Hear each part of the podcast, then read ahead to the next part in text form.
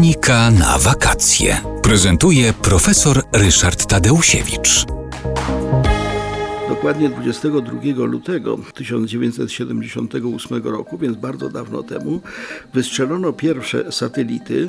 Łącznie tych satelitów mm, krąży nad Ziemią em, 31 na wysokości mniej więcej 20 tysięcy kilometrów nad, nad powierzchnią Ziemi krążą te satelity. No, mierząc odległość od tych satelitów, nasze urządzenia GPS określało, gdzie znajdujemy się w danym momencie, w którym punkcie, no a połączenie tego z mapami cyfrowymi pozwala trafić do dowolnego celu. Jest to bardzo wygodne, jest to przez, wszystkich używane.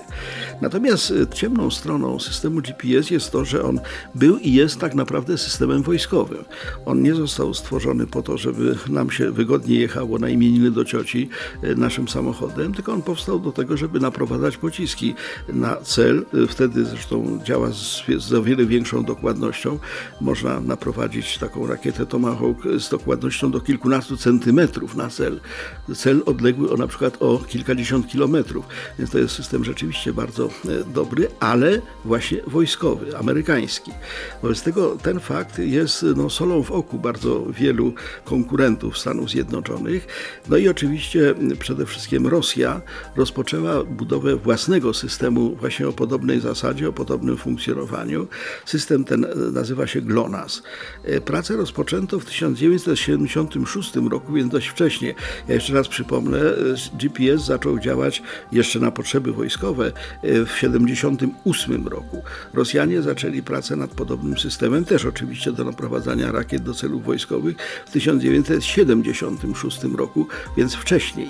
Natomiast no, wszyscy wiemy, że Związek Radziecki się rozpadł, wszyscy wiemy, że e, były e, bardzo duże trudności finansowe, trzeba było zaniechać różnych ambitnych przedsięwzięć kosmicznych i wielu innych.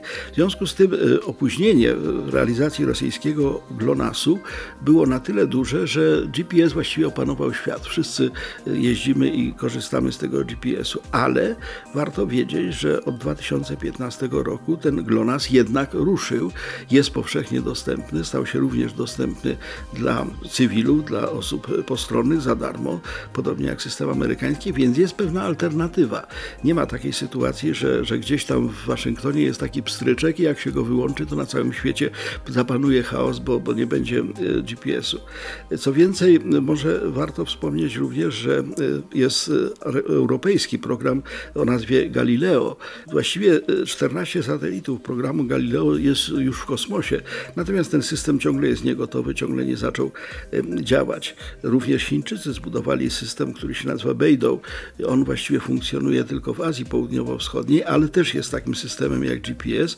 Również pewne prace są w Japonii i w Indiach. Wobec tego GPS ciągle nam towarzyszy, ale są alternatywy i być może kiedyś też z nich będziemy korzystać.